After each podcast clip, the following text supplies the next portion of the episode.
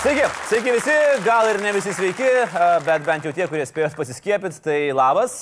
Mano vardas Andrius, su jumis Laisvės TV ir po trumpos pertraukos grįžtant į rubriką savaitės topas. Nepatikėsit, bet šiandien kalbėsim apie politikus. Žinau, mes niekada nenustojame sustebinti. Ir pristatom jums top 5 aktorius, kurie tapo įtakingais politikais. Ši tema įkvėpta ne tik rinkimų vienoje mums artimoje valstybėje, bet ir Lietuvoje vykstančių debatų, kur net keli kandidatai yra aktoriai.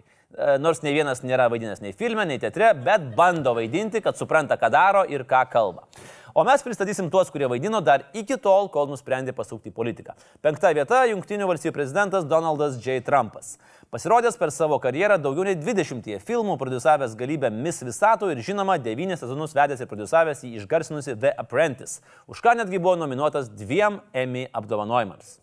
Ir mane kiekvieną kartą apima toks truputį surrealus jausmas, kai pagalvoju, kad pagrindinės mūsų NATO partnerės, galingiausios ir labiausiai ginkluotos valstybės raktus turi štai šitas 72 metų bičias, kuris dalyvavo WrestleManijos laidoje.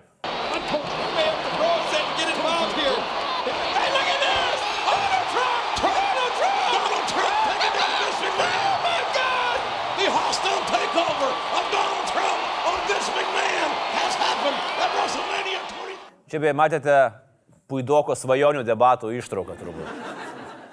Ketvirtoje vietoje žmogus su pačia tinkamiausia pavardė būti šou biznio žvaigždė ir tuo pačiu politiku. Buvęs Filipinų prezidentas Josefas Estrada. Ponas Estrada beje visai neseniai atsintė savo 82 metų gimtadienį ir švelniai tariant yra labai įdomus bičias. Nu įsivaizduokit tokį Zuoko, Selo ir Uspasiko mišinį apibarstytą amfetaminų.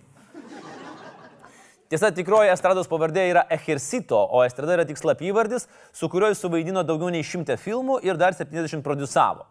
Jeigu turėtų bent vieną patarėją moterį, turbūt jos slapyvardis turėtų būti Rokada, jeigu jis jau yra estrada. Na, bet filmai atsibodo, estrada pasitraukė iš estrados ir pasuko į politiką.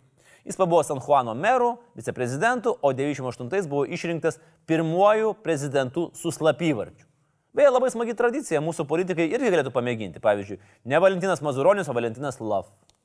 Nes Kvernelis, o Saulis Apačis, Mindaugas Sirijus, Valdemaras Kolorado, Vitenis Povilas Kamaradė, Ingrida Žirklė, Gitanas Indahaus, Arvidas Taliban, Naglis Puteikis. Nesugalvoju. Estrada taip pat buvo revoliucijos Filipinuose kaltininkas, atnaujino karą su Filipinų islamo grupuotė, nuostabiu ir tikrai nieko nereiškinčiu pavadinimu MILF. Savo patarėjų paskyrė pusbrolį, padavė į teismą Manilos laikraštį ir iki išnaktų balevaudavo su neaiškiais verslininkais prezidentūroje. O vieno iš tokių tūsų metų iš nelegalių lažybų organizatorius gavo daugiau nei 8 milijonų dolerių kyšį. Žodžiu, prezidento postą jis ištempė tik trejus metus, kai po apkaltos dėl korupcijos teko palikti postą. Ekspertai skaičiuoja, kad per kadenciją Estrada spėjo prisigropti arba iš kyšių susirinkti apie 80 milijonų dolerių. Nesijaudinkit, Filipinai mėgsta kaip ir mes lipti ant to paties grėblio ir Estrada šiuo metu eina antrą Filipinų sostinės Manilos mero kadenciją. Sako, vagė, bet ir miestui gerus dalykus daro. Nu, jūs tik pažiūrėkite į jį. Plika akim matosi, kad, nu, auksinis žmogus. Trečias tarp aktorių politikų turbūt didžiausia šio topo kino žvaigždė ir ilgiausia aktoriaus karjerą turėjęs Arnoldas Albibek Schwarzeneggeris. Būdamas 20 sugebėjo tapti pasaulio kultūrizmo čempionu, persikelti į Ameriką ir vos kalbėdamas angliškai tapti veiksmo filmų legenda. Pasiekimai Hollywoode, 700 filmų, auksinis gaublys, legendiniai vaidmenys filmuose Konanas, Terminatorius, Grobonis, na ir žinoma svarbiausias jo vaidmuo - vaikų darželio policininkas. Bet dar įspūdingiau yra tai, kad Švartas sugebėjo tapti pagal gyventojų skaičių didžiausios, ekonomiškai stipriausios, realiai lenkiančios tokias šalis kaip Prancūzija ar Junktinė karalystė, Kalifornijos valstijos gubernatoriumi. Ir visą tai pasiekė irgi vos vos kalbėdamas angliškai, tikras įkvėpimas Sauliui Skverneliui. Už tai ir štai už tokius pasirodymus Respublikonų suvažiavimuose Švarcas nusipelnė trečios vietos mūsų tope. Wow. This, this is like winning an Oscar. As if I would know. Speaking of acting, one of my movies was called True Lies. And that's what the Democrats should have called their convention. Antroje topo vietoje Vladimiras Zelenskis ir visas antrajame Ukrainos prezidento rinkimų turė vykęs šou.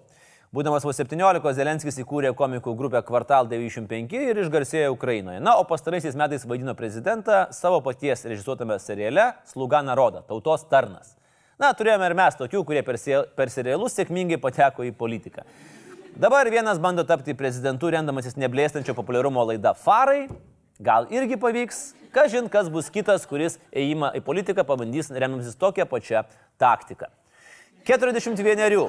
Jokios politinės patirties neturintis aktorius Zelenskis ir perinkimo siekęs Porošenka antrajame etape kibo viens kitam į atlapus. Pirmiausia buvo toks Zelenskio pareiškimas. Країні потрібен здоровий президент. В знак поваги, як мінімум, до третини громадян України ви повинні публічно сказати, що дебати відбудуться не з маріонеткою Кремля чи Коломойського, не з ватником, не з малоросом, не з бидлом, не з клоуном, а з кандидатом в президенти України Володимиром Зеленським. Даю вам 24 години. Думайте. Porošenko tada sutiko, tada Zelenskis persigalvojo, tada Porošenko sakė feikiniais debatais kitam stadione, kur pas vienas atsakinėjo žurnalistų klausimus. Toks buvo gyvas aš, kitas aš ir Porošenka monospektaklis. Tada būtų davę kraujo mėginius ištirti, ar nėra priklausomi nuo narkotikų ir alkoholio. Tada ėjo į kitą laboratoriją, nes pirmą nepasitikėjo. Aišku, visai transliavo gyvai ir žaistūmė viens ant kito kaip tik tai išmanė ir darė iš to nuostabiausią šou. Kol galiausiai balandžio 21 įvykusiuose rinkimuose laimėjo, taip, netikėtumas, sensacija laimėjo Vienas iš dviejų kandidatų - plojimai, ką tik išrinktam Ukrainos prezidentui. Na, o prieš paskelbent pirmą vietą trumpai apžvelgime sėkmingiausius Lietuvos aktorius politikus. Dalia Grybauskaitė už vaidmenį šiuo metu kinuose rodome valstybės paslaptis, Arūnas Valinskas už Seimo pirmininko vaidmenį, Ramūnas Karbauskas už pirmą ir antrą ir trečią ir pirmą planį ir trečią planį vaidmenį Aš tik esu tik kultūros komiteto pirmininkas ir Gabrielius Landsbergis už serialo Giminės tradicijų tasą. Na, o pirmoje šios savaitės topo vietoje 40-asis prezidentas Ronaldas Reiganas. Reiganas savo karjerą pradėjo kaip beisbolo rinktinių pranešėjas radijui, vėliau persikėlė į Hollywoodą, Praleido 30 metų ir nusifilmavo apie 80 filmų ir serialų. Vėliau tapo Hollywoodo aktoriaus gildijos prezidentu, Kalifornijos gubernatorium ir turbūt vienu mylimiausių ir geriausiai amerikiečių vertinamų prezidentų istorijoje. Pirmos šios savaitės topo vietos Reiginas nusipelno jau vien dėl šitos nuotraukos ir dėl savo unikalių santykių su Gorbačiovu perestroikos laikotarpiu. Neveltui Reigino pravardė buvo The Great Communicator. I don't know whether you know it or not, but I have a new hobby. I am collecting stories that I can actually prove are told among the Russian people. They make them up themselves, they tell them between themselves, reveals they got a great sense of humor, and they've also got a little cynical attitude about things in their country. And uh, one of these stories, the one I'm going to tell you, I told to General Secretary Gorbachev. And he laughed. Tad jeigu nori tapti visame pasaulyje žymių aktoriumi, varyk į Ameriką, jeigu po aktoriaus karjeros nori tapti prezidentu, senatoriumi ar gubernatoriumi ar meru, varyk į Ameriką arba į Filipinus arba į Ukrainą, bet ten viskas gerokai labiau komplikuota. Iš šio to pamatom, kad aktoriai nebūtinai tampa gerais politikais, bet bent jau nebūna liūdna. Tiek šiandien laikykitės ten, prenumeruokit Laisvės televiziją, Laisvės televizijos X kanalus ir jeigu atidėjot pajamų deklaraciją paskutiniai minutiai, sveikinam, nes dar turit galimybę skirti 2 procentus tikrai nepriklausomai televizijai. Iki pasimatymo savaitgalį.